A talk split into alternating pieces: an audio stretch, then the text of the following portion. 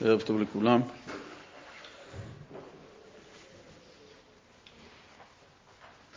אנחנו ממשיכים היום בעמוד 20, ספר התניא.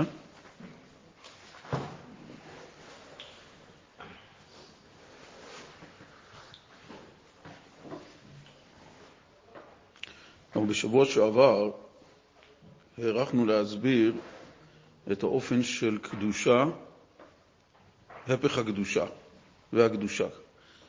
לגבי הפך הקדושה, זה נקרא סיטרא אחרא, שבארמית זה הצד האחר. הראינו בעצם איך נוצרת, איך נוצר מצב של אי קדושה, שזה אי גילוי של הקדוש ברוך הוא בדבר. כל דבר שהוא לא לשם המה, מחשבה, דיבור ומעשה, אם הם אינם משרתים את הפעולה של היהודי לעבודת השם, משמע מכך שזה שייך לצד שכנגד, ואין דבר שהוא באמצע, לא לכאן ולא לכאן.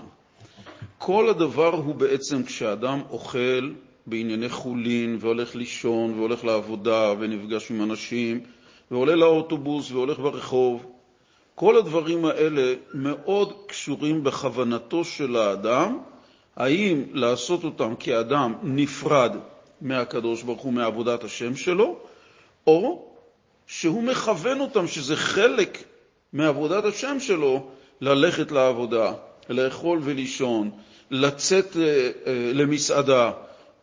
בשבוע שעבר אולי השתמע שללכת למסעדה זה דבר כל כך חמור ודבר שהוא הפך חלילה, אבל כשמדובר שבן אדם רוצה לצאת עם אשתו למקום כזה של מסעדה, אבל כל הכוונה שלו זה לא העניין של האכילה, ושם יש אוכל יותר טעים, וכדאי לצאת לשם ולבלות, אלא הכוונה שלו היא לא באמת הגשמיות שיש בדבר, אלא התוצאה שיכולה לבוא בעקבות הדבר אם הוא מכוון לאותו מקום. נשאלתי פעם, שהאם נאמר ש... שבכל דבר שאדם חושב או עושה, איך אפשר לשלוט על זה? איך אפשר? זאת אומרת, זה יותר מדי בחשיבה לכוון כל דבר שעכשיו אני אעשה, שזה בעצם לעבודת השם. אז לכן כמובן שהדבר הוא בשלב ראשוני, הוא כמובן דבר שהוא קשה, וזה נובע מכיוון שהאדם יש לו את הישות שלו.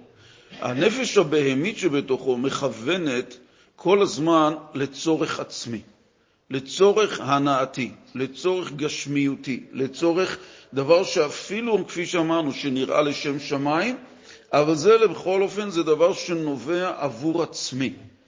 התהליך המתקן לזה זה תהליך שהוא בעצם גורע מהישות שלו, ותכף נראה איך בהמשך, על מנת לאפשר להפחית את האופן של הנפש הבהמית הפועמת בקרבו, כדי להיות כלי לקבל את הצד של הקדושה. אז אם כן, אנחנו כאן נסיים את החלק הזה של הצד של הפך הקדושה, שזה הסטרא אחרא, ונעבור לחלק השני שמדובר על הצד של הקדושה. אז אנחנו בשורה 7 שמתחילה במילה חולה, בעמוד 20, שורה 7, וכן כל הדיבורים וכל המחשבות אשר לא לשם המה ולרצונו ולעבודתו, שזהו פירוש לשון סטרא אחרא. פירוש צד אחר שאינו צד הקדושה. והבעל התניא מדגיש, מדובר כאן על הדיבורים ועל המחשבות אשר לא לשם המה. אם האדם חושב בצורה מסוימת שלילית, אז זה לא לשם המה, שידע את זה. שזה לא, טוב, מה חשבתי, מה אמרתי, מה דיברתי, מה רציתי כבר, מה, מה הדבר שנאמר כאן שהוא כל כך שלילי. הוא שלילי, גם אם אין לך אפשרות להבין מה אמרת וכמה זה שלילי וקשה להתגבר, לפחות תדע שבשלב הזה זה שלילי. לפחות לא להצדיק את החלק הזה, כי מראש יש לדעת שהדבר הזה מדובר על צד של סטרא אחרא. ככה הקדוש ברוך הוא ברא את זה, לא נתן לנו לשלב את שני הדברים של גם וגם, אלא שאדם ידע, אם זה לא כאן, אז אני שם. במשך רוב השנה, במשך כל היום, על פי רוב, אנחנו נמצאים, לצערנו, בצד של הסטרה האחרונה.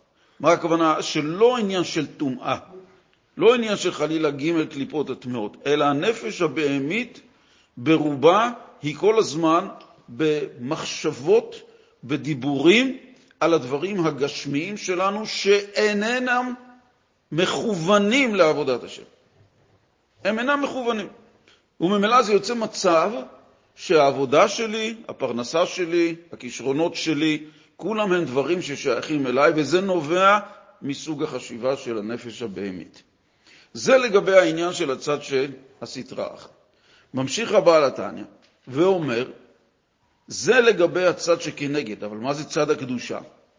איך נתאר את צד הקדושה? וצד הקדושה אינו אלא השראה והמשכה מקדושתו של הקדוש ברוך הוא, ואין הקדוש ברוך הוא שורה אלא על דבר שבטל אצלו יתברך, בין בפועל ממש כמלאכים עליונים, בין בכוח ככל איש ישראל למטה, שבכוחו להיות בטל ממש לגבי הקדוש ברוך הוא, במסירת נפשו על קדושת השם.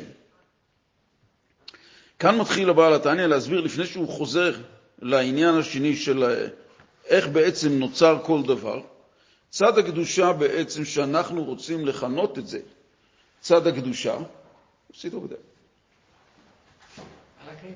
אוקיי, no problem. צד הקדושה נוצר מכך שיש גילוי של הקדוש ברוך הוא בדבר.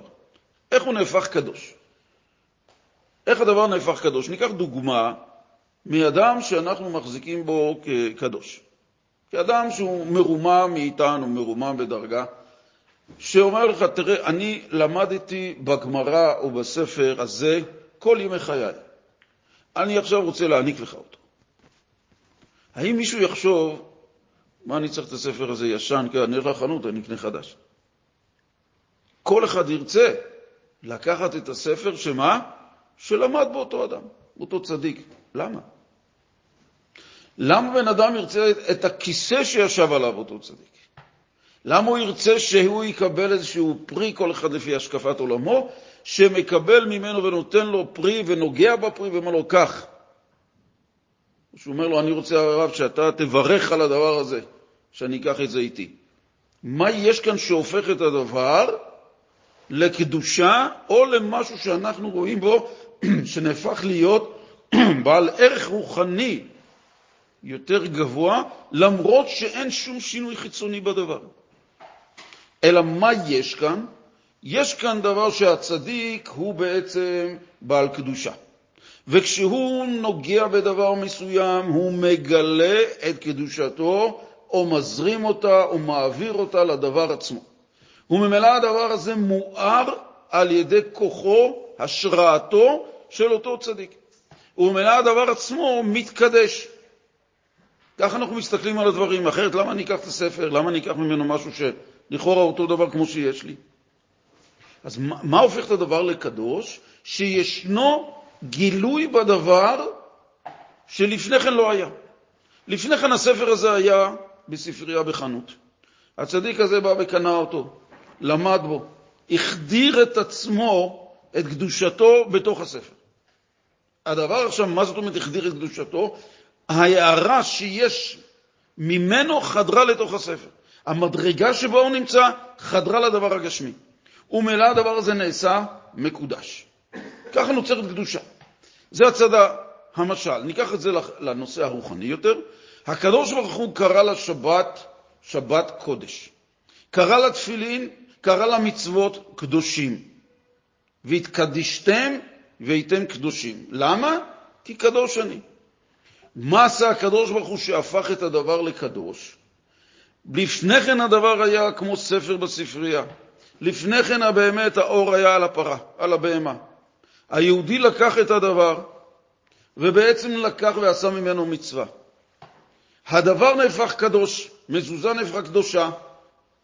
ההלכה היא שאסור לזלזל בזה, אסור להיכנס בזה למקומות טמאים. הדבר קיבל קדושה. מה זה קדושה? שהקדוש ברוך הוא עכשיו, בדבר שנעשה כמו מצווה, הוא מהיר נמצא בתוכו ממה שהוא לא היה לפני כן. זה הדבר שהופך אותו לקדושה.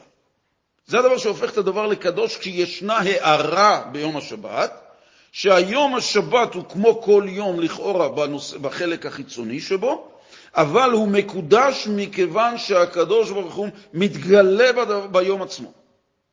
ואם ישנו גילוי של הקדוש ברוך הוא בעולם, אז הדבר, המקום, החפץ, נעשה קדוש. ככה בעצם נוצרת קדושה. עכשיו, כאשר הקדושה נוצרת, איפה יבל ניתן להרגיש שהיא נמצאת? איפה החלק שבעצם אנחנו יכולים לגעת או להרגיש שהדבר מקודש? אנחנו יכולים אכן לחשוב על התפילין שהקדוש ברוך הוא שורה בהם, נמצא, הוא נמצא בקדושתו, מכבדים, מנשקים את הדבר, כי זו מצווה. אבל אם נתייחס לחלק שהקדוש ברוך הוא מתגלה באדם, שגם הוא בריאה, שיהודי הוא קדוש וגופו קדוש ונשמתו קדושה, הרי הדבר שם נתקדש בגלל שהקדוש ברוך הוא שורה בתוכו. אבל הגילוי של הרגשת, הגילוי של הקדוש ברוך הוא אצלנו, יכולה להיות מורגשת, מורגשת, למרות שהיא נמצאת, היא יכולה להיות מורגשת רק אם אדם נמצא בתנועה של ביטול. כאן המילה הזאת בחסידות נשפך עליה המון דיו, המון מאמרים של רבים, המון ספרים שהודפסו והמון סוגיות המנסות ומסבירות מה נקרא המושג של ביטול בנפש האדם. אם אומרים לנו שהקדוש ברוך הוא שורה רק במקום שבטל אליו, אז אנחנו צריכים להבין מה זה נקרא בטל אליו. אני יכול להיות בטל קודם כל לעצמי, ואחר כך לקחת את הביטול שלי ולהגיד, אוקיי, בואו נבטל את עצמי אליו. אבל מי שמבטל פה זה עדיין אני. מה קורה לביטול עצמי? לא הבנתי את המשפט. אנחנו, זה בדיוק הדבר שאמרתי, שעליו נשפך כל כך הרבה, שזה ביטול, הדברים הם בעצם ביטול בכותרת ראשית, ביטול שבן אדם לא מרגיש את עצמו, הוא מרגיש דבר אחר. אני מרגיש את רצונו של הזולת. תכף נראה את זה. כן, ישראל.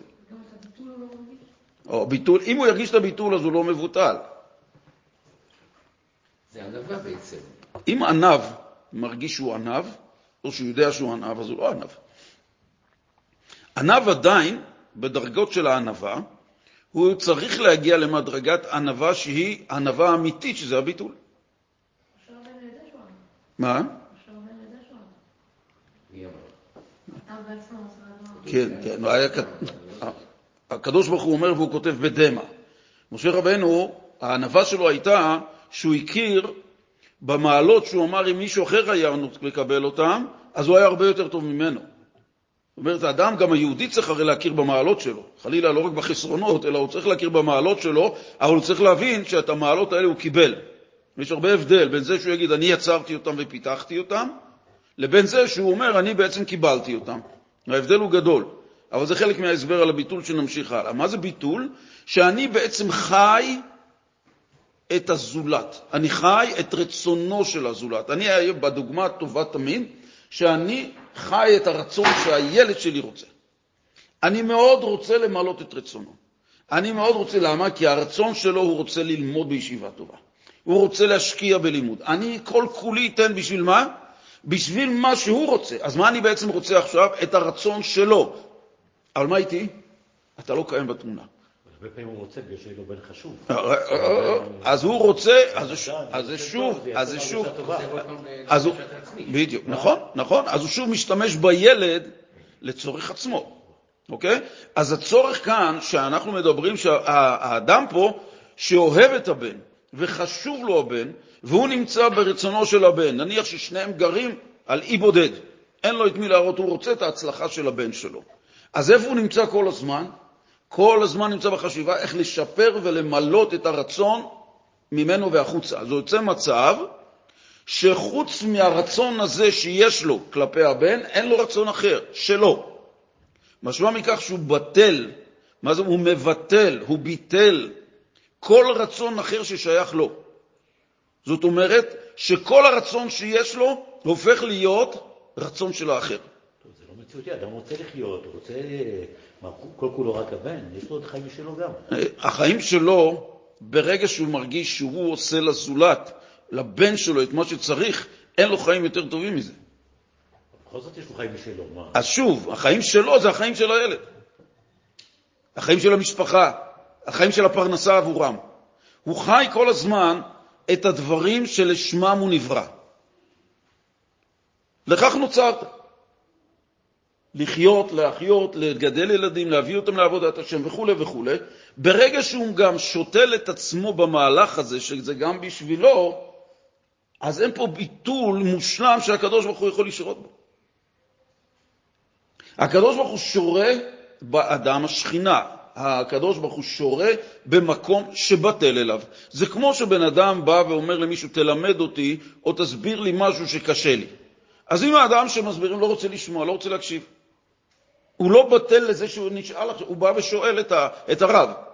אבל הרב מנסה להסביר לו, ולא, לא, לא, לא. כאילו רואה מה רואה, שהוא בעצם לא רוצה להקשיב לשום דבר. יוצא מצב שהאדם שרוצה לשמוע, כל כולו כרגע נמצא בתוך עצמו, ללא שום אפשרות לפנות מקום למישהו אחר שרוצה להיכנס אליו, לתת לו מעצמו, והבן אדם לא מוכן לקבל. אז האדם הזה נמצא בפול עצמיות שלו, ללא שום סנטימטר של ביטול. לכן עליו נאמר שאין אני והוא, הקדוש ברוך הוא אומר עליו, אין אני והוא יכולים לגור בכפיפה אחת. למה? כי הוא כל כולו מלא מעצמו, אז אין מקום לקדוש ברוך הוא. הקדוש ברוך הוא יכול לשרות רק במי שלא מרגיש את עצמו. ואני... וזה יש דרגות. או, זה לא... או, שמגיעים לביטול זה... או, נכון, נכון, נכון, נכון. עדיין הקדוש ברוך הוא יכול להיות איתי. בכל מצב. בכל מצב הרי הקדוש ברוך הוא, האבא נמצא עם הבן שלו בכל מצב. רק מה, כמה הבן נמצא ככלי לקבל את יכולת האב. בכל מקרה הוא נמצא, בכל מקרה הוא אבא ובן. ומכאן הבן מוכן להיות כלי לקבל מהאבא, והאבא מאוד הרי רוצה להעניק. אהבתי אתכם, אמר השם, אהבה זה חסד, וממילא הקדוש ברוך הוא רוצה להשפיע על עם ישראל מעבר למה שהם חושבים, עד שיבנו שפתותיכם מלומר די, די, די, אבל מה? אני נתתי לכם את האפשרות, רק תהיו כלים. הברכה ניתנה בראש השנה לכל אדם, מה נגזר עליו ומה וכו'. אבל אדם יכול להגיד, מה אני צריך להתאמץ? הרי כבר ניתן לי בראש השנה הכל. נכון, אבל השאלה היא, איך אתה מושך את זה על עצמך? האדם הרי ניזון בכל יום ויום, אומרים חז"ל, אבל זה תלוי איך הכלי אצלך נמצא כדי לקבל את הדבר. לכן צד הקדושה, כשהקדוש ברוך הוא מאיר בעולם, מאיר ביום השבת, מאיר במצוות, השאלה היא כמה אני חי כרגע את המצווה כמו שאני חי את הבן שלי, ולא חי את עצמי אפילו בזה שאני מחמיא לעצמי שאני מקיים את המצווה. אם אני מכווין לעצמי, זה גם שוב אני. שוב אני. ואם נלך צעד אחד יותר קדימה בלי לסבך, רק נכניס את זה במאמר המוסגר, בזה שאני רוצה לעשות רק את רצון הבן, או רק את רצון השם, זה גם רצון שלי. זה טוב או לא טוב? זה טוב. מה אתה אומר? אה? מה, זה לא נגמר. אני רוצה לעשות רק את מה שהשם רוצה. למה זה? זה גם, אני רוצה לעשות את מה שאתה רוצה כדי שיהיה לי טוב, אני עושה את רצון השם כדי שיהיה לי טוב, זה עדיין רצון שלי, יש מי שאוהב, ככה זה מופיע בחסידות, יש עדיין מי שאוהב. אה, אם הוא רוצה שיהיה לו טוב, בגלל זה הוא... לא זה, הוא אומר, יש לי רצון מוחלט לעבוד את השם. למה? למה? לא, לא. לא משנה בגלל מה כרגע, עצם זה שיש לו חשיבה שאני רוצה לעשות את רצון השם, זה גם רצון אישי שלו. תלוי, תלוי מה, מה המטרה של הרצון הזה. הרצון- אם הוא רוצה שיהיה לו טוב, יהיה לו עולם הבא, זה, זה, זה, זה שוב לגרמק. הוא רוצה- הוא, רוצה הוא לא רוצה- אז זה כן. הוא לא רוצה שום עולם הבא, הוא לא רוצה שום דבר. נו, הוא רוצה לעבוד את השם. זה לכאורה טוב. אז אם לא. אין לו מטרה אישית, יודע, זה לכאורה טוב. נכון, נכון, זה לכאורה טוב. אבל זה עדיין רצון שלו. זה עדיין רצון של מישהו שרוצה. אז זה עדיין אין, עדיין, אין לא כאן... לא בא להכחיש. בסדר, לא נכון. לכן אמרתי, לכן אמרתי במאמר המוסגר, לכן אמרתי שזה עדיין רצון שישנו, רק, רק כדי להראות, מחילה, רק שנייה, זה רק כדי להראות עד איפה הנפש הבהמית יכולה לקחת אותנו. עד איפה זה יכול להיות במצב שכביכול בן אדם יכול, שכולם יגידו עליו, עובד השם, צדיק, הכל טוב ויפה, כן, אני רוצה לעבוד את השם. אוקיי, אז זה רצון שלך. בסדר, אז יש לך רצון. מלבד רצון השם יש גם רצון שלך. מה הרצון שלך? שאני רוצה לעבוד את השם, אבל זה גם רצון שלך. חסר פה הכבוד שמיים. כן, כן, לא, לא, זה עדיין לא כבוד שמיים. אני מדבר על זה שזה רק... אה, זה, אני רק... זה, זה סוג של... זה, זה, זה דבר שהוא בעצם אמירה שהיא כמובן מורחבת בחסידות, אבל מכיוון שהיא עמוקה, אנחנו לא נתייחס לזה, אבל אנחנו נחזור חזרה לקרקע, לרצונות הרגילים שלנו, כדי שנדבר על קדושה. בכבוד, כן.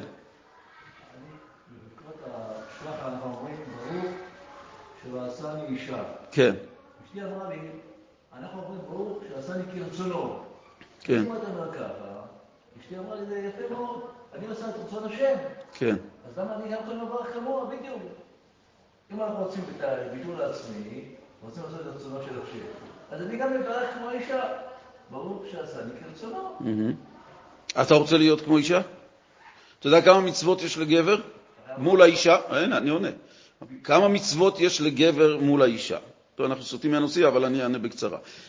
כמה יש מצוות לאישה שהיא מחויבת, וכמה מצוות יש לגבר שמחויב? הרי להבין מהי מצווה, תאר לך שהייתי אומר, אם אתה מוכן לא להניח תפילין. אישה לא מניחה תפילין, גם אתה אל תניח תפילין. רגע. שנייה, אני יודע מה ששאלת. אני, אני אני. למה שלא עשני אישה? כי אישה פטורה מהמון מצוות. לראות. לכן, לא, אישה פטורה מהמון מצוות. גבר לא רוצה להיות פטור ממצוות. מי שיודע מה מעלתה של מצווה, שזה חיבור עם הקדוש ברוך הוא, אם הוא היה עושה אותי כאישה, הייתי מקיים רק מצוות מעטות שמחברות אותי עם הקדוש ברוך הוא. ככה שיש לי 613 מצוות, אני לא מוכן לוותר על אחת כדי להיות אישה. זה לכן אני אומר שלא עשני אישה, הכוונה היא גם שלא עשני עבד. שזה אותו דבר, שזה קיצוץ דרסטי בקיום רצון הבורא. נבחרתי לקיים את רצון המלך, אני לא רוצה להיות מישהו אחר שלא, שמופחת ממנו הרצון לקיים את המצוות של המלך. אוקיי? שעשני כרצונו, זה ככה הוא עשה אותי כאישה, לפי מה שהוא רצה. אני עושה את רצונו. אבל האדם, הגבר, היהודי, אומר שאז לא עשני אישה כשאני, אין לי הפחתה במצוות. יש לי את כל המצוות. אישה באמת הייתה צריכה להגיד, חבל שלא עשה אותה גבר, כי אז הייתה זוכה בהרבה מצוות נוספות. אז אם כן, אנחנו נחזור לענייננו. אז הרצון של האדם, כל זמן שיש לו העניין של הביטול, ככל שהוא מבטל, עשה רצונך כרצונו, שאתה תרצה את מה שהוא רוצה, הרי יש לנו כוח רצון, ואנחנו רוצים כל היום. כל היום יש לנו רצונות. הרצון כל הזמן עובד. הרצון של הנפש הבהמית כל הזמן עובד. כל הזמן רץ. הוא רץ, רץ, רץ, נכון. אנחנו סך הכל במצבים כל הזמן של להשיג אותו, להשיג אותו, למלא את הרצונות שאנחנו אומרים שלנו, לא, זה הרצונות של הנפש הבהמית.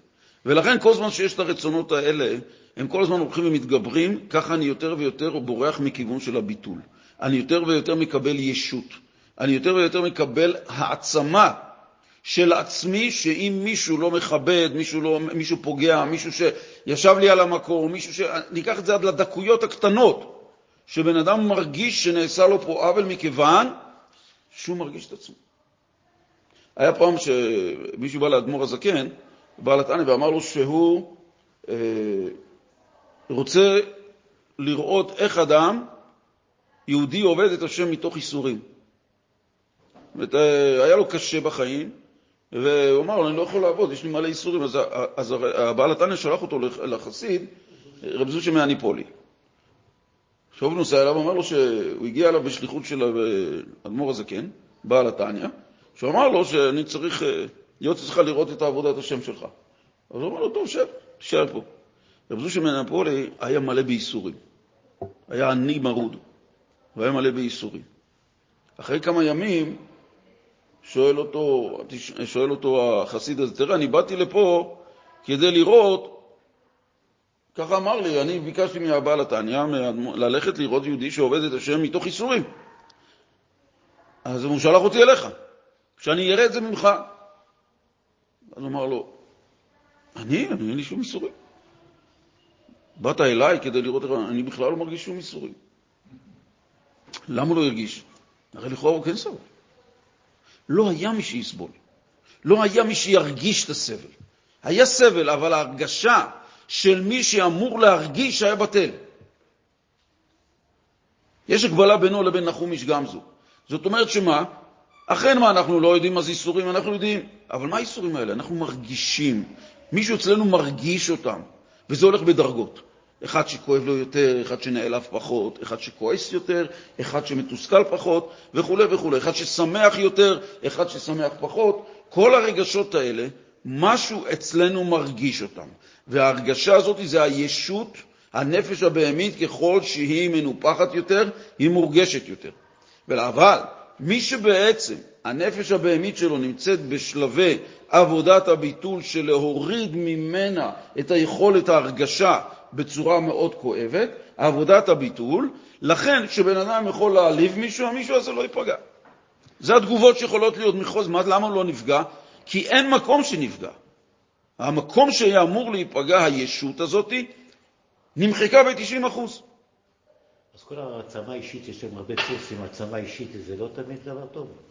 אומרים העצמה אישית, שתהיה... הרב, אני אגיד לך. ביטחון עצמי, זורם, זורם כזה, ביטחון עצמי. נכון, נכון. זה טוב או לא טוב? הקדוש ברוך הוא ברא את הזהב בשביל יהודים, בשביל בית המקדש. אנחנו רואים, באים לקדוש ברוך הוא, תראה, משתמשים בזה אפילו לעבודה זרה. אחי בטיפשין עסקינן. מה לעשות שלוקחים את הדברים, לוקחים את המילים, והופכים אותם מימוש עצמי, העצמה אישית, אה, הפחתת חרדות, אה, שמחה. זרימה טובה. זרימה טובה, אנרגיה טובה. כל, כל המילים האלה הם מילים, אם תשימו לב, כולם מילים נפשיות. כולם מילים רוחניות. ואלה שאומרים אותם, אין להם צל של מושג. כמובן, אם הם לא שומרים מצוות ולא חרדים ולא שלמדו, אבל בעיקרון, כמו אומר, באמת, כל הקורסים והסדנאות היום שישנם בעולם, זה לא רק זה, בעולם, וכמובן אצלנו גם, הם בעצם שואבים במילים האלה את כל אלה שלא שומרי תורה ומצוות, מכיוון שהריקנות בתוכם זועקת. הריק מבקש וצורח להתמלא. זו התחושה. הריקנות היא זעקה של רוצה להתמלא. האדם לא יודע, משהו בתוכו ריק, אין לו שמחה. למה אין לו שמחה? הוא אומר לו, תשמע, בוא תגיע להעצמה אישית, תגיע לפה ותגיע לשם, ותראה איזה דרגות יהיו לך, אז מה מציירים לו? לאיפה שהוא רוצה להגיע. אבל כשהוא מגיע, אף אחד לא יודע לחדור בכלל ולקרוא את הנפש הכללית של כל אחד. עוד פעם, כשהוא מגיע, אז מה המשפט האחרון? כשהוא מגיע, אף אחד לא יודע לקרוא את הנפש. מכיוון שמה שהמדריך או מי שזה לא יהיה מנסה לקרוא, הוא אומר שמדובר פה על העצמה אישית, נפשית, ש... את מה אתה רוצה להעצים, זה א', מה זה נקרא להעצים, וכו' וכו', כל המילים האלה, שמי שלא יודע איך להסביר אותם, כפי שמופיע בדברי רבותינו, אז באמת, הוא לא קולע בכלל ולא נמצא ליד ולא... אגב, כל, כל הפסיכולוגיה שיצאה מפרויד, הרי יש הרבה מקומות שהוא נפגש עם הרבי הרש"ב, לשאול אותו שאלות. אבא של הרבי הקודם, שהיה עומקן בחסידות, בזה, היה, היו מפגשים שהוא היה בא לשאול אותו על כל מיני דברים שזהו, אחר כך הוא סתר אותם, אחר כך חזר מהם, אבל uh, בעיקרון, מי שלא יודע איך הקדוש ברוך הוא ברא את האדם, כפי שהוא אמר את זה בתורה, אז כל היתר זה ניחושים. אז אם כן, העניין של השראת הקדושה זה בדבר שבטל הקדוש ברוך הוא. אם נגיד מה זה ביטול בדבר הכללי ככותרת, שאני רוצה לעשות את רצון השם, כי לכך נוצרתי. ברגע שאני משייך את עצמי לעשות רצון של הזולת, שבמקרה הזה זה הקדוש ברוך הוא, למה אני עושה את זה? שבשביל, רק בגלל זה נבראתי. רק בשביל הילד והילדים שלי, אני הולדתי אותם, שעכשיו הם המטרה שהקדוש ברוך הוא נתן לי להמשך הדורות. במקרה הזה, שאנחנו יכולים להתאמן בדבר, שאני רוצה לעשות את הרצון של מישהו כאן. אני יודע שיש לו רצון, נניח, להגיע מכאן למרכז העיר. אני רוצה למעלות את הרצון שלו. אני לא מתוכנן לנסוע למרכז העיר, לא, יש לו רצון. איפה אני לוקח את הרצון שלי? הרצון שלי עכשיו רוצה את הרצון שלו. הוא, יש לו רצון משל עצמו, אני רק רוצה את מה שהוא רוצה. ממילא, אין לי רצון עצמי משלי להחליט שאני לא רוצה לקחת אותו, לא רוצה לעשות חסד, לא רוצה עכשיו כרגע. כל הדברים האלה נובעים מצד זה שחוסר הביטול שיש לאדם. עשיית החסד, הרצון טוב לעשות לשני טוב, ללמוד בעצמי טוב, כל הדברים האלה, כי הקדוש ברוך הוא רוצה שאני אעשה אותם, לכן אני עושה אותם. הסיבה שבגללה אני עושה, זה הוא. ברגע שזאת צורת החשיבה, מתחיל ההליך הנכון של לצעוד את הצעד הראשון לבחינת הביטוש של האגו של הנפש הבהמית. ברגע שאני מתחיל להמשיך ולחשוב על הרצון האישי שלי, למה אני אעשה את זה? כי יש לי אינטרס או משהו כזה שזה עושה לי טוב, אז שוב חזרתי לחוסר ביטול. ההתבטלות היא הענבה. הענבה יש לה המון משקל בעבודת השם, שהיא מביאה את השמחה. ויוסיפו ענבים בהשם שמחה. מה כל כך הקשר? קצת יותר הסבר? ההסבר בכך הוא שזה לא רק שיש קשר, אלא זה נראה לכאורה שתי דמויות נפשיות, שני הליכים נפשיים הסותרים זה את זה, באותו נפש. הענב נחבא אל הכלים, לא רוצה בכלל שידעו עליו, הוא בעצם לא מתבלט בשום דבר, הוא לא מחזיק מעצמו משום דבר. פעולת השמח... רואה, כולם יודעים. מה? אני אומר, השמח עושה תוצח. השמח באמת, עד כדי כך שאפילו הוא מתנהג בצורה שלא מתאימה לו ביום-יום, כמו למשל בחתונת בנו. הוא יכול לרקוד ולהשתולל ולעלות על כיסאות אה, ולחבק אנשים ולצחוק ולעשות דברים שהשמחה היא הגילוי שלו בצורה לגמרי שונה. אז איך אומרים שהענב, ויוסיפו ענבים בהשם, מה הם מוסיפים? שמחה. אז איך זה יכול להיות? אז המושג הזה של שמחה, שוב, כמו שאמרנו מקודם, שיש הרבה אנשים שלקחו את המילה הזאת, הקדושה, שמחה של מצווה, שלום עליכם הרב, מה שלומכם?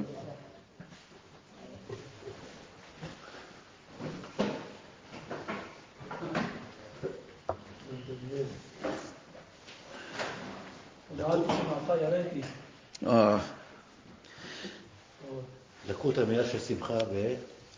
הפסוק ויוסיפו הענבים בהשם שמחה, רק בשביל הכנסנו כבר לזה, שענב מוסיף שמחה בהשם, כאשר ענבה ושמחה אלה שתי תנועות נוגדות אחד את השני, ומדובר על פעולה שנעשית באותו נפש של אדם.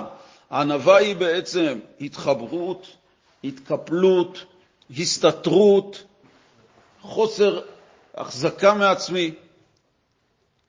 בשמחה, כשאדם שמח, בדיוק הפעולה היא נוגדת. הוא מתפרץ ושמח ומשתולל בחתונת בנו, פעולה שהיא נוגדת לגמרי את הענווה. אז כיצד אומר הפסוק, ויוסיפו ענבים בהשם שמחה. על זה מוסבר באריכות, שהענווה, קודם כל צריך להבין מהי הענווה, ואיך היא גורמת דווקא במדרגה של הענווה, איך היא מייצרת שמחה. יתרה מכך, הענווה היא הכלי, לא רק שהיא הכלי של השמחה, אלא הענווה היא המייצרת את השמחה. זאת אומרת, ללא ענווה אין שמחה אמיתית. יש, יכולה להיות שמחה, שמחה של אגו, שמחה של אה, תראו אותי כולם, שמחה שאני הכי מכובד, שמחה שכולם יצביעו עליי. הכבוד שייתנו לי זה משמח מאוד. או שרואים אדם שיכול פתאום לרקוד בצורה כזאת, שהנה, תראה, הוא שמח בלי כל מה שאתה אומר. אבל זה שמחה, א', של הנפש הבהמית, ומצד שני, כשהם לוקחים את המלה שמחה ומעבירים אותה לצד השני וקוראים לה גם שמחה, זה פשוט שימוש במלה הקדושה שמחה של מצווה, שהקדוש ברוך הוא וישמחו בך, יודע שמך, כל הקשור בעניין של מצווה בשמחה, לוקחים ומשתמשים בזה לצ- לצרכים שיש מסיבה באיזה מקום, בוא יהיה שמח. איזה פתיחות. אז אם כן, מה, מה יוצר כאן? מה נוצר כאן? זה לא שמחה, זה יכולה להיות התלהבות, זה יכולה להיות השתוללות, זה יכולה להיות התהללות. המילה שמחה באמיתות שלה לא יכולה לנבוע מאדם שהוא בעל אגו. התורה אומרת, הענב מוסיף שמחה. הענב לא רק מוסיף, אלא דרגת הענבה היא בעצם הביטול שאנחנו כרגע מדברים עליו. הענב זה אי הרגשת עצמו.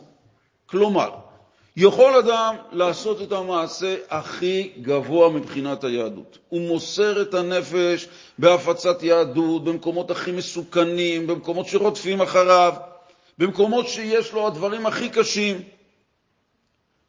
הדגש פה, שהוא לא מרגיש שהוא עשה משהו חשוב. הוא לא מרגיש.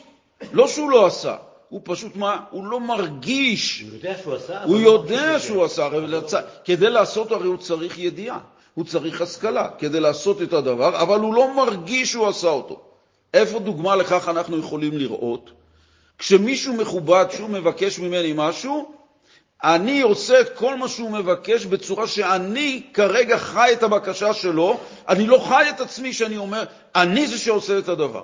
כי אם זה היה שאני עושה את הדבר, הרגשת האגו שלי עדיין אומרת לי שהאדם הזה הוא לא מספיק גדול עבורי שאני אתבטל בפניו. מה שאין כן אם האדם הזה גדול, והאדם הזה אני מחזיק ממנו כקדוש עליון, אז אני, כשאני עומד מולו, וכשהוא מבקש ממני משהו, אני כל כולי נמצא באמירה שלו. אני בכלל לא נמצא ולא מרגיש את עצמי, אני מרגיש רק אותו. הענב האמיתי, ככה צריך להיות. ולמה? למה? מה, עם קצת ההרגשה של ה... השתמשנו פעם בדוגמה הזאת של ענב, של אדם שרוצה לעשות חסד עם הזולת. הוא ראה אותו והאדם עצוב, פניו נופלים, נפולות, והוא לא בא לשאול אותו כי זה לא יהיה נעים. אז הוא הלך ושאל את הגבאי, מה יש לנו ל- ליענקל? או אל תשאל, נפלו עליו כזה במצב קשה, כלכלי, לא חשמל, לא זה וכו' וכו'. היהודי הזה שמע. בלילה הלך ומתן בסתר עשה. הכניס לו מתחת לדלת עשרת אלפים שקלים, מכסה לו את כל החובות שיש לו עכשיו על הצוואר. למחרת בבוקר הוא בא לבית הכנסת, וגם היהודי הזה בא לבית הכנסת, ורואה את ינקל זורח. היהודי הזה, טוב לו, טוב לו עכשיו. מרגיש טוב, התחושה שלו טובה, בגלל שלשני טוב. אותו ינקל טוב לו, אוקיי? זה דבר טוב. זה דבר טוב. הדבר הזה, התחושה הטובה הזאת שיש לאותו אדם שעשה, כלפי אותו זולת, ההרגשה שהתפתחה לו בגלל הטובה שהוא עשה לשני, ההרגשה הזאת תביא אותו לעצבות. פלא פלאים. למה? כי כל העשייה שהוא עשה נועדה למען ההרגשה הטובה שלו. אם הוא לא היה מרגיש מזה טוב, לא הייתה לו סיבה לעשות את זה. אם הוא היה עושה את זה בלי סיבה, אז זה ענב. אבל הוא עשה את זה למען ההרגשה הטובה שלו, מזה שהוא רואה אותו שמח. טוב לי שטוב לו, אבל טוב לי בגלל שעשיתי לו טוב. ולכן אני בעצם... אם מישהו אחר יעשה לו טוב, הוא היה פחות מרגיש את הטוב הזה. בדיוק. בדיוק. אם הוא לא היה עושה את הטוב הזה, זאת אומרת, במחשבה שלו, הוא חשב, אני אלך לעשות לו ככה וזה, איך אני ארגיש עם עצמי? אף אחד לא יודע, אני הצלחתי שאף אחד גם לא ידע, ואף אחד לא ידע מאיפה הוא קיבל, גם הוא עצמו לא יודע מאיפה. הוא יבוא ואני אעמוד מהצד ואני אסתכל עליו בבוקר, סוסו בני מאי, סיסו בני מאי, תראה איזה עשיתי לו טוב, אף אחד לא יודע אפילו, אבל טוב לי מזה שטוב לו. הטוב הזה שיש לו, זה טוב של אגו. זה טוב שיביא אותו לעצבות. עצבות, למה? כן, למה עצבות? רגע. אז איך זה היה צריך להיות? איך זה היה צריך להיות? מוסבר שישנו אברך שעשה את החסד הזה. הוא גם, הבית שלו למופת, הכל מהדרין, שיעורי תורה, הילדים שלו מחונכים, הכל מעולה, והוא הולך בהרגשה טובה. הוא לכאורה עשה כאן משימה שעמד בה, הוא עומד במשימה, וטוב לו מזה שהוא עשה את זה. לכאורה, שוב, על פניו זה נשמע מעולה. מה אתה רוצה מאדם כזה? ההרגשה שנוצרת לו מהבקשה של הקדוש ברוך הוא לעשות בית כזה, הוא מנצל כאן את הבקשה של הקדוש ברוך הוא להרגשה אישית. כלומר, כדי לא להרגיש את הדבר, הוא מרגיש כרגע את מה שהוא עשה ומתגאה בתוך עצמו. הגאווה הזאת היא מסוכנת, אז איך הוא צריך לחשוב? חינכת את הילדים, התחתנת, למדת תורה, אתה לומד, הכל הכל. הרי מה אתה מחזיק מעצמך? הרי לכך נוצרת. זו הייתה המטרה של הבריאה שאתה אמור לעשות. בסדר, מתגבר פה על העץ הרע, עולם הוא שלא הוא נלחם מלחמה גדולה מאוד. המלחמה הכי קשה שיש, הוא הצליח להילחם הוא הצליח לעשות את המצווה.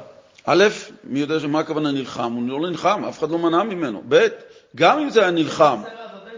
נכון, אז מה ברור, מאליו? מה המובן מאליו? יצמח? הרי לכך נוצרת, לנצח אותו. לכך נוצרת. מה, בן אדם חייל שיאמנו אותו ועכשיו יגידו לו, תשמע, אתה עכשיו השקענו בך כל כך הרבה כסף, אתה טייס, לך תפציץ את המקום. עכשיו שהוא הלך, הפציץ את... אתה רוצה להרגיש אה, טוב עם זה? זה שיעשה במשימה? העניין הוא שההרגשה הטובה הזאת היא לא באה ממקום נכון. היא תביא אותו לשמחה מזויפת שהיא איננה נובעת מקדושה. כי רק מה הדבר שיכול לייצר שמחה אמיתית? היצור בה רק דרך הענווה. למה? כי אי הרגשת עצמו יוצא מצב שהוא לא מרגיש את הנפש הבהמית שלו. אז אם אין לו הרגשה של הנפש הבהמית שלו, אז מה הוא כן מרגיש? הרי הרגשה יש לו. אז יש לנו נפש אלוקית ונפש בהמית. אז אם הנפש הבהמית שלו הוא מצליח, תכף נפתח את זה, שהוא מצליח לשלול ממנה את ההרגשה בזה שהוא אומר לעצמו, הרי לכך נוצרתי, אני הולך לישון, אז אני לא מצפה שיגידו לזה הרגשה טובה, ניצחתי את היצר הרע שהייתי ער, לכך נוצרת. מובן מאליו שאתה הולך לישון. אתה הרי לא מצפה בתובנה הזאת שאתה הולך לישון, להרגיש איזשהו עילוי שעשית. ניצחתי את היצר הרע מכדי שהוא רצה שאני אהיה ער. זה כמו אדם שהבן שלו זקוק, זקוק, והוא רוצה לעזור לבן שלו, אבל לא רוצה לתת הרגשה לבן שלו שעוזר לו, או שהבן שלו ינצל אותו כל פעם וכו', אז הוא עושה את זה בסתר, לעזור לו. אבל אחרי שהוא עוזר לבן שלו, הוא לא מרגיש את זה שעשה משהו. חזק וברוך. זאת אומרת, למה? כי לכך, זה המובן מאליו, כי לכך נוצרת. נכון? החשיבה הזאת, רגע,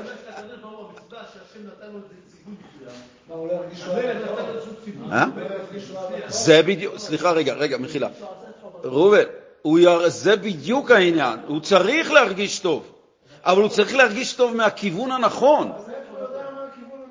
שיבוא לשיעור, שיבוא לשיעור. איך- הוא ידע שזה... אנחנו אומרים שאנחנו 98, בוא נגיד, אני כל פעם אומר את זה, 98 אחוז, אם לא, אם לא 99.9 עובדים לפי הנפש הבהמית. נכון? עכשיו, איך אני יכול, בכל דבר שאני רואה אעשה. הנה אני עכשיו אוכל לשם שמיים, עכשיו בשיעור לשם שמיים, הנה אני עושה לבן לשם שמיים. לא, לא.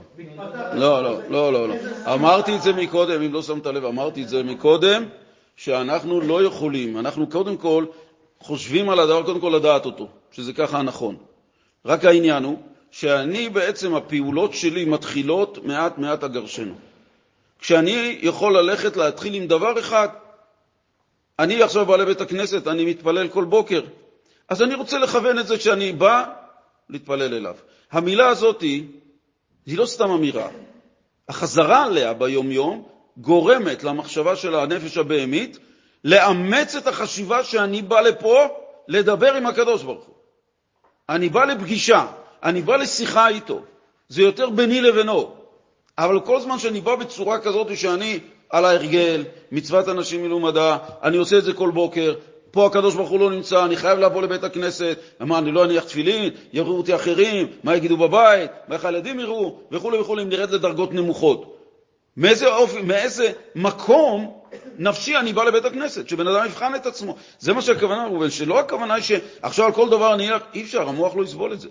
אנחנו חיים 60 שנה, 50 שנה, כל אחד לפי גילו, באופן כזה שהנפש הבהמית לוקחת את החשיבות שלנו רק לצורך עצמה, ואנחנו עכשיו לומדים שיש אפשרות אחרת, אז אם 40-50 שנה עבדנו לפי צד אחד, אנחנו צריכים לפחות להתחיל לנסות לתקן, לעשות הליך מתקן לשנים האלה, להבין שיש עוד אפשרות והיא יותר טובה עבורנו. ולכן האופן הזה, להגיע למקום שנקרא ענווה, זה אי הרגשת עצמו. ענב, כל המטרה שהוא מגיע זה לביטול הרגשת עצמו. מה זה הרגשת עצמו? האגו. מה זה האגו? הנפש הבהמית. הוא בעצם מפסיק להרגיש את מה שהיא מבקשת. לאכול הוא צריך כי היא מבקשת, לישון הוא צריך כי היא מבקשת, אבל הוא לא מרגיש את הבקשה שלה. הוא עושה את זה כמו שהוא הולך לישון. כשאני הולך לישון אני לא מרגיש שאני הולך לישון, אני לא מחכה שימחאו לי כפיים, שעמדו עם דגלים, או שאני עכשיו אגיד לעצמי, אני עכשיו הולך לישון. וואו, זה משהו כזה. הרגשה טובה? הרגשה, אדם צריך שיהיה לו הרגשה טובה. כן. אם הוא לא, הוא לא יעמוד את השם, איזה עבודת השם, אם הוא לא מרגיש. נפש אלוקית תבוא. רגע, הנה, בדיוק, איפה עצרת אותי? בדיוק בנקודה. אם הוא לא מרגיש את האגו ולא מרגיש את הנפש הבהמית, אז פיניתי מקום למישהי אחרת. לנפש, לנפש האלוקית. והיא תרגיש טוב.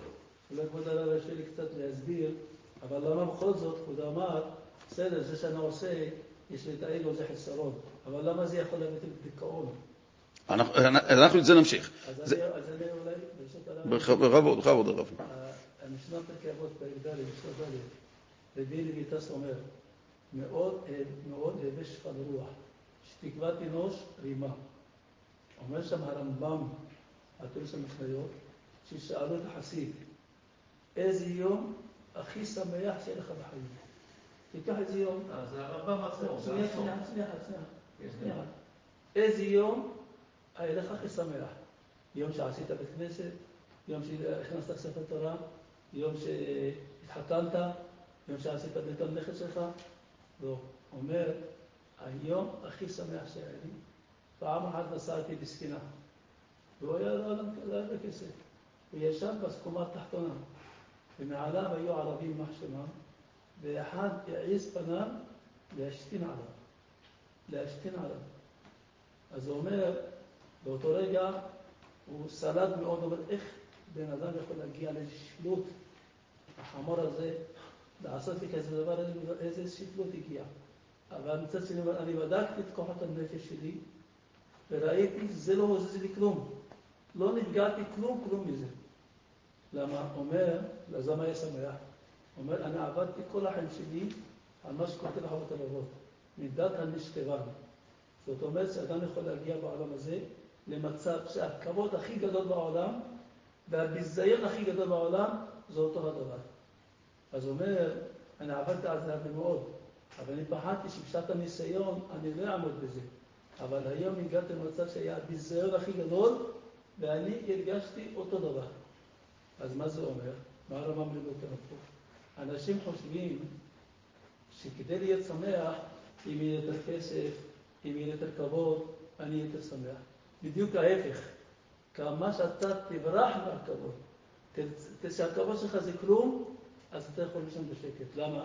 כי אם לא, אדם הולך לישון בלילה, הוא לא יכול לישון. למה? זה פגע בי, זה לא כיבד אותי, הוא לא יכול לישון. אבל אם אצלו הכל אותו דבר, הביזיון הכי גדול אותו דבר, אז הוא יכול לישון בשקט. שידברו, שיעשו, מה שאכפת לי. אני ישן בשקט. אז זה לכן, אדם ש... מה לנו קודם, אדם שעושה בשביל עצמו, מרגיש הרעה מזה, ויבוא לדיכאון אחר כך. כי אם לא... כי... כי... אז למה לא כיבדו אותי ככה? למה לא עשו ככה? אז זה הבעיה. אבל אם אדם עושה רק מה אני חייב, אני, זה החובה שלי, כמו שאמרת קודם. אני עושה את החובה שלי. אני עוזר לבן שלי, זה החובה שלי. אני עוזר לאשתי. למה אני עוזר לך? כי זה חובה שלי, אני, זה- הקדוש ברוך הוא אותי איתה ביחד. אז אני לא עושה שום דבר, אני לא מרגיש שום דבר מזה. זה אותו דבר. זה לא- כבר, זה בדיוק אותו דבר, נכון? בזה. אה, אם אנחנו, מה שאמרת, מה שהרב אמר גם, שברגע שבן אדם לא מרגיש את עצמו ושואף למצב של לעמוד באיזשהו דבר שהוא עבד עליו, זה משמע מכך שהנפש הבהמית שלו לא מרגישה את הדבר באופן של כעס, זה אחד המבחנים. הוא לא נעלב, הוא בעצם לא מרגיש שהדבר אפילו פגע בו או נגע בו, זה כמו שילד קטן אומר לו ברחוב איזו מילה שהוא אפילו צוחק ממנה. מה משמע מכך? שאם הוא פינה את האגו שלו, אז הוא בעצם נמצא במצב של ענווה. הוא לא מרגיש את עצמו. אז מה בעצם נשאר שיתגלה? מתגלית פה בעצם המקום שהשארת שהנפש האלוקית תוכל להאיר בתוכנו באופן כזה שזה הדבר שהגילוי שישנו של אור אלוקי הוא גוף השמחה. למה? כי שמחה מה זה? שמחה זה התבטאות של האדם, את ההרגשה הפנימית שלו הוא מבטא כלפי חוץ. איך יכולים לראות אם אדם שמח? רואים, צוחק, שמח, רוקד. יודעים עליו. למה? מה קרה? משהו פנימי אצלו השתנה. הדבר הפנימי אצלו מאיר עכשיו. למה? כי הוא הביא אותו למקום שמתגלת בו הגילוי הפנימי, כי אין מה שיסתיר עליו. הורדנו את הפתח, הורדנו את הדלת, יצא האור. האור הפנימי שישנו, זוהי הארת הקדושה, שכל כולה היא הארת אלוקים, שזו השמחה. גילוי אלוקות זה בעצם השמחה. לכן, הענב הוא זה שמייצר את השמחה, הוא לא כלי רק. הענווה היא לא כלי לשמחה, אלא זה יותר עמוק. הענווה היא זו שמייצרת את השמחה. וממילא הדבר הזה בא. ברגע שבן אדם נמצא בענווה, הוא גם ממילא מפתח את השמחה. השמחה מתפתחת אצלו ממילא. הוא לא צריך לעסוק גם בענווה וגם בשמחה. כי למה? כי הענווה היא דבר של הורדת המחסומים והחסמים שמפריעים לשמחה, שזה גילוי האלוקות בתוכו, גילוי האור, להתבטא. וממילא שאין לו מה שעוצר אותם, אז זה בא מצד הקדושה. הענווה היא אי הרגשת האגו. אז ממילא, שם, כמו שאמרנו מקודם, שמח בשם, אה, לא בעצמו. מה שאמרנו מקודם, שאין הקדושה, אין, אין הקדושה שורה, אלא במי שבטל אליו. שמה שאדם מתבטל זה רק עניו שאין לו מי שיפריע לו כאגו להתבטל בפני הבורא. עכשיו רגע, שלא נובן לא נכון, שלא נבון, מחילה רב, שלא נובן לא נכון, אנחנו פה מדברים על מצבים של אנשים רמי מעלה. אבל שמץ מינהו אנחנו יכולים לאמץ בתובנה של זה שלפחות להמעיט בדברים שגורמים לנו הרגשה יותר מדי טובה מהחומריות. כל חומריות שנקצץ בה היא אור בצד השני. כל התגברות שתהיה לנו על הנפש, הרצונות הגשמיים, החומריים, כל התגברות זה הפחתה של חושך. וממילא, ממילא, נכנס אור במקום הזה. זה לא של פעולה שנעשית. כשבן אדם בחדר חשוך מדליק גפרור, זה, שהוא מאיר את המקום, זה לא שהוא סילק את החושך ועכשיו מאיר אור. האור מטבעו, מעצם בריאתו שהקדוש ברוך הוא ברא אותו, הוא נברא בצורה שברגע שאתה מדליק אור במקום חשוך, החושך מסתלק. האור ממלא את המקום של החושך. על דרך זה בנפש, כאשר האדם מתגבר על משהו מסוים, למרות חוסר הרצון, שזה נקרא בקבלת עול, וגם בהתקפיה, הוא כופה את עצמו לקום בבוקר. הקושי שישנו זה מהנעימות שיש לנפש הבהמית במציאות הזאת. נעים לו וטוב לו. ההרגשה הזאת זה הרגשה של הנפש הבהמית. עכשיו השאלה היא ההתגברות. מה כוח ההתגברות שיש לאדם? אז שיישן, שיישן כהחלטה שיישן שלוש דקות פחות. לא בשעות. יתחיל הליך את השעון המעורר ומכוון פחות שלוש דקות מאתמול. שלוש דקות. וככה הוא עולה עם הזמן. למה? כי כרגע הנעימות הזאת שיש לו במצב הנוכחי, וזה יכול להיות שינה, וזה יכול להיות אכילה, וזה יכול להיות חוסר חשק בלימוד, או חוסר חשק בתפילה, כל דבר אחר, או חוסר חשק ביחסים עם האישה, או בבית, או בעבודה, לא משנה. כל הדברים האלה ניתן להתחיל הליך מתקן שמתחיל מעט מעט אגרשנו. לא בקפיצות, ככל שבן אדם קופץ גבוה, ההתרסקות שלו בדיוק באותו מידה. ולכן הדברים האלה, החשיבה הזאת, ככל שלוש דקות האלה, הם מכה אנושה לנפש הבהמית. הרצון שלה, מישהו מתגבר עליו. מישהו מצליח להתגבר על הרצון של הנפש הבהמית שהיא מרגישה שכל כולנו נמצאים בידיים שלה. אנחנו, אנחנו רוצים את זה, אנחנו הולכים, היא רוצה את זה, אנחנו הולכים, אנחנו שום דבר לא עושים שום חשיבה, איזה מחשבה נכנסת, איזה דיבור, מי עומד לפנינו, מה אנחנו עושים עכשיו. שום דבר לא נבלע, שום דבר לא נעשה לו שום ברקסים לעצור את הרצון, מכיוון שהרבה מתוכו אנחנו חושבים שזה לצורך שם שמיים, חלק מעבודת השם. מה ההבדל אם אני אקום שלוש, שעות, שלוש דקות אחרי? מה ההבדל? זה נעיצת סכין דקה בנפש הבהמית, ברצון שלה. וממילא, השלוש דקות האלה מוארות עכשיו ברגע זה באור אחר, באור אלוקי. וזה, וזה דבר שבשמיים פועל המון כוח שניתן לאדם. כי ברגע שהצלחתי להאיר בנפש האדם, מה זה להאיר? ההערה הזאת זה השתפשרתי לנשמה שזה הקדוש ברוך הוא. נתתי לו מקום להאיר בתוכי, להתפשט בעוד מקום בתוכי. אפשר להגיד שהרי הרב אמר שפעם שהנשמה, השם נתן לנו את הנשמה, והיא מהירה, הוא צמצם כדי שיהיה בחירה בתוך הגוף כביכול. אז כשאדם הוא מתנהג בענווה, כביכול הוא נותן מקום לנפש האלוקית להעיר בו, אז זה כאילו, זה הערה מבפנים ומבחוץ. זה כאילו מגלה את הנפש האלוקית שנמצא בו, לא? הוא כאילו פתח מסך ונתן לנפש האלוקית להעיר בתוכו. בוא, שאלה טובה, שאלה טובה. קודם כל, אם הענב יודע שהוא ענב, הוא ענב?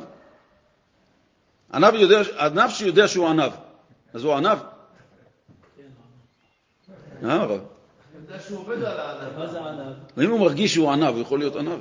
עצם ההרגשה הזאת, הוא כבר מראה, מישהו מרגיש פה, אם יש מישהו שמרגיש את ההרגשה הזאת... אדם צריך לדעת שהוא ענב. מה זה ענב? שהקול של השם, לא שלו. אז כשאני אומר, אני חכם, אני לא מסתבר, אז לא נקרא שאני מתגאה, כי אני חכם. אבל אני אומר, אני חכם שהשם נתן לי חכמה, שהקדוש ברוך הוא החכם. אמרנו את זה הרב לפני שכבודו הגיע, אז בדיוק כשזה הגיע אמרנו את זה מהאופן הזה. אני רק אענה למה לשאלה שהוא אמר, שבעצם הרי ישנה שכינה שהקדוש ברוך הוא שורה עלינו כל הזמן. השכינה, השראת הקדושה הזאת, כדי שהיא תתבטא אצלנו ואנחנו נרגיש את האור, נרגיש את האור האלוקי, חייב להיות מקום שיתאפשר לאור הזה להיות מורגש. כל זמן שהנפש הבהמית אצלנו היא שולטת על הכל, היא בעצם סותמת את היכולת של הקדושה לבוא לידי ביטוי. כי היא מבינה בחומריות. נפש הבהמית לא מעניין אותה קדושה. מעניין אותה העולם הזה, מעניין אותה החלק של זה שהיא מבינה בו. אבל כאשר אני מצליח באיזשהו אופן להתחיל לשלוט על הרצונות שאני רוצה ולא מה שהיא רוצה, ואם אני רוצה לישון פחות שלוש דקות בשביל לקום יותר מוקדם לבית הכנסת, אז נוצר מצב שהקדושה שמאירה בי ובעולם היא זו שכרגע מתאפשרת להתפשט בתוך השלוש דקות האלה שהתפנו. הנשמה, האור האלוקי שנמצא בתוכי, מאיר בתוך הנפש הבהמית בשלוש דקות האלה, מילאנו אותו באור אלוקי ברצון השם, ולכן אדם שהוא מתייגע ומתייגע ומתייגע ומגיע לאיזושהי נקודה, לאיזו מטרה, והיא מתמלאת, הוא מרגיש שמח. האדם שבעצם מתאמן, להבדיל אלף אלפי הבדלות, לאולימפיאדה ארבע שנים, וכשהוא מנצח בריצה של מאה מטר, הוא שמח. למה? יכל הקדוש ברוך הוא לעשות, רצת מאה מטר, ניצחת, תבכה. למה? יש בו עניין של שמחה. כי השמחה כאן בעצם, הבן אדם הצליח להתייגע ביגיעה עצמו הזאת שהוא התאמץ ושינה את עצמו מיתר הברואים שלא רצים, והצליח להביא את עצמו למקום שהוא צריך היה להיאבק עם הרצונות שלו, והרצונות שלו בסופו של דבר באו לידי ביטוי, התגלה בתוכו השמחה, שזו שמחה כמובן שמחה של גוי, כי זו שמחה שנובעת מחומריות גם, אבל בסופו של דבר המטרה שלו הושגה, ממילא המקום שהיה לו, שהתייגע והתאמץ וכו' וכו', מתבטל, כי כבר הוא התמלא, התפנה אצלו מקום, מרגיש סליחה? לכן אמרתי, לכן אמרתי שמדובר פה על שמחה של גוי שנובעת מחומריות, לא מקדושה של יהודי. יהודי, השמחה יכולה להיות שהוא הולך ומתהולל גם, הוא יקרא לזה שמחה, אבל זה לא שמחה, זה התעוללות. כל שמחה שבאה בהתלהבות, שאיננה באה בהליך הנכון, חוכמה, בינה, דעת ורגשות, אז כל שמחה כזאת היא שמחה שנוגעת בחיצוניות המידה, חיצוניות המידות, נוגעת בהם ונעלמת גם. זה לא שמחה, זו התלהבות. אני יכול להתלהב ממישהו שאני רואה, אבל הוא לא פעל עליי שום דבר. אין שום פעולה פנימית שקרתה. עכשיו, הדבר הזה שבעצם אנחנו מסיימים בזה, שהקדושה צריכה לשרות במקום שהוא מתבטא לקדוש ברוך הוא, זה מה שלמדנו היום, כדי שתהיה שרת של קדושה חייב להיות מקום. ביטול זה מקום. אני מתבטל, אני לא מתקיים בפני שופט.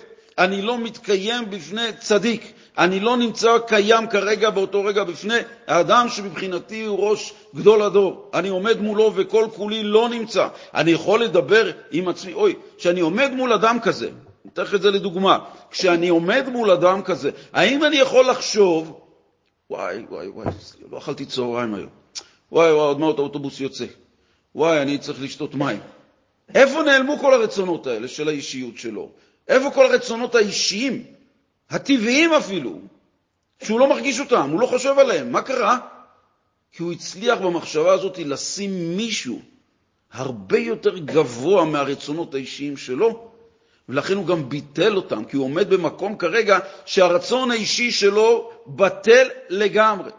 רק הבעיה היא, כשהוא יוצא מהדלת של אותו צדיק או מי שזה לא יהיה, הכל צף עוד הפעם כאילו שום דבר לא קרה, כי לא הייתה פה שום עבודה. זו הייתה עבודה של רגע, מכה אחת, אבל כמובן, היות שאין לזה שום עבודה של ביטול פנימי, לכן הכל מיד צף והולך חזרה אחרי שהוא יוצא משם, שום דבר. אבל באותו רגע הדבר באמת, אכן, האדם מתבטל, ולכן כשהוא נמצא במצב כזה והוא מבקש ברכה מאותו אדם, אז הוא הפך להיות כלי לקבל את הברכה.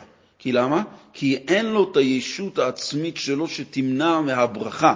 ברכה זה מלשון המבריח, המוריד, כמו המבריח את הגפן, שזה בעצם צריך להוריד, שיצמח גפן צריך להוריד ענף, להכניס אותו לאדמה, כדי שיצמח ענף אחר. זה נקרא מבריח את הגפן. ברכה זה מלשון הורדה למען הצמחה. אז לכן אנחנו מבקשים מהצדיק שיש לו את זה. הצדיק יכול להוריד, הקדוש ברוך הוא רוצה לתת. הוא אומר, רק תהיה כלי לקבל את הברכה. אז במקרה כזה שבאים לצדיק לבקש ברכה, הוא נמצא במצב כזה שאני כלי לקבל את הברכה, כי הוא בטל לגמרי, והשכינה לא יכולה לשרות אלא במקום הבטל אליו. לכן לסיכום כאן העניין הוא שהחלק הזה שכיצד נוצרת השראה של קדושה, בניגוד לשבוע שעבר שלהפך למדנו איך נוצרת העניין של הפך הקדושה, כאן הרבי הסביר היום איך נוצרת הקדושה על ידי זה שאדם מתבטל, מתבטל במילים אחרות, מוותר על הרצון האישי שלו לעשות, אני עושה את מה שאני עושה כי זה הרצון של הקדוש ברוך הוא, אני עושה את רצונו. הוא רוצה שאני אעבוד, הוא רוצה שאני ארוויח, הוא רוצה שאני אוכל, הוא רוצה שאני אתחתן, והוא רוצה שאני אישן, והוא רוצה שאני אעזור, והוא רוצה שאני אתפלל. אם אני בעצם מכוון שהרצונות שלי, רק מכוון, שאני נמצא ועושה את מה שאני עושה, בגלל שהוא רוצה את זה. זה התחלה של חשיבה, לא שזה יש פה לחיצת כפתור. אין פה, זה עבודה. עבודת שינוי מחשבתי לחשוב. שאני מה, אני קם בבוקר, לקום. אני הולך לישון כי צריך לישון. אני הולך לישון כי אני צריך ללכת לישון. אני הולך לעבוד כי אני צריך פרנסה. אני צריך כסף. הכל זה סביב זה, ואני גם צריך ללכת להתפלל, ואני גם צריך לשמור שבת, ואני גם צריך להניח תפילין. הכל זה בעצם, למה אתה עושה את מה שאתה עושה? כמו שאתה אומר, כי כתוב בתורה. אה, באמת? כל היום אתה מסתובב שזה בעצם הצורך האישי שנובע בגללי. כשבאה השאלה הזאת, יש תשובה מיידית. למה אני שומר שבת? כי השם אמר לשמור שבת. באמת? אתה באמת מרגיש שאתה ממלא את רצון השם בעשייה הזאת, או שאתה בעצם עושה את זה כי ככה למדת, נולדת, כולם עושים אותו דבר, אני בקהילה, אני חי את החיים שלי. אני לא מרגיש באמת שזה אני עושה את רצונו. הוא אמר לי, אדוני, תקדש, אני מקדש עבורך את השבת. אל תיסע בשבת. אז למה אני לא נוסע? אני יכול להגיד, כי בתורה ככה כתוב. האם באמת אתה עושה את הדבר בגלל שבתורה כתוב? או מצד הרגלים אחרים, רצונות אחרים, עניינים אחרים. כל אחד יכול לבחון את עצמו, זה לא עניין של תשובה וכן ולא. אפשר לומר שבן אדם, אם נלך צעד אחד, אני קצת מעריך לצערי, אבל אם בן אדם ישאל את עצמו בשבת, אני הייתי מתקיל בחורי ישיבות דווקא עם השאלות האלה. והייתי אומר להם, תגיד לי, אחרי כל הדיונים, והייתי אומר, למה אתה לא נוסע בשבת? מה זאת אומרת אני אסע בשבת? כתוב בתורה, אסור. אתה באמת לא נוסע בגלל שאתה עד כדי כך מחובר עם רצון השם בצורה כזאת שאתה באמת מרגיש שאתה לא נוסע בגלל שהוא ציווה עליך? לא בגלל שאתה יודע, כי ככה אמרו, כי ככה אני ראיתי, כי ככה אני חי, זו התרבות שלי, זו הדת שלי, אני ככה... איפה החיבור עם הרצון שלך לעשות את הרצון, שאני חי את הרצון של הזולת? במקרה הזה, זולת, אנחנו אומרים הקדוש ברוך הוא. האם באמת אני בא לפה עכשיו לשיעור בגלל שהוא רוצה שאני אלמד תורה? הוא. בכוונה מגשם את המילים כדי שלא נתייחס. הבורא, הקדוש ברוך הוא, זה מרחיק אותנו. אני בא לפה לשיעור בגלל שהוא רוצה? תבחן את עצמך. למה אני בא לפה? אם יש תשובה אחרת אמיתית בינך לבין עצמך, שאני בא לפה בגלל א', ב', ג', ולא בגללו, אני בא מצד הסטרה אחת. זה מה שהוא אמר לי, כן. כל מה שלא לשם, מחשבות שלא לשם המה, שייך לסטרה אחת, אין באמצע. ולכן המבחן פה, למה אני בא לכאן?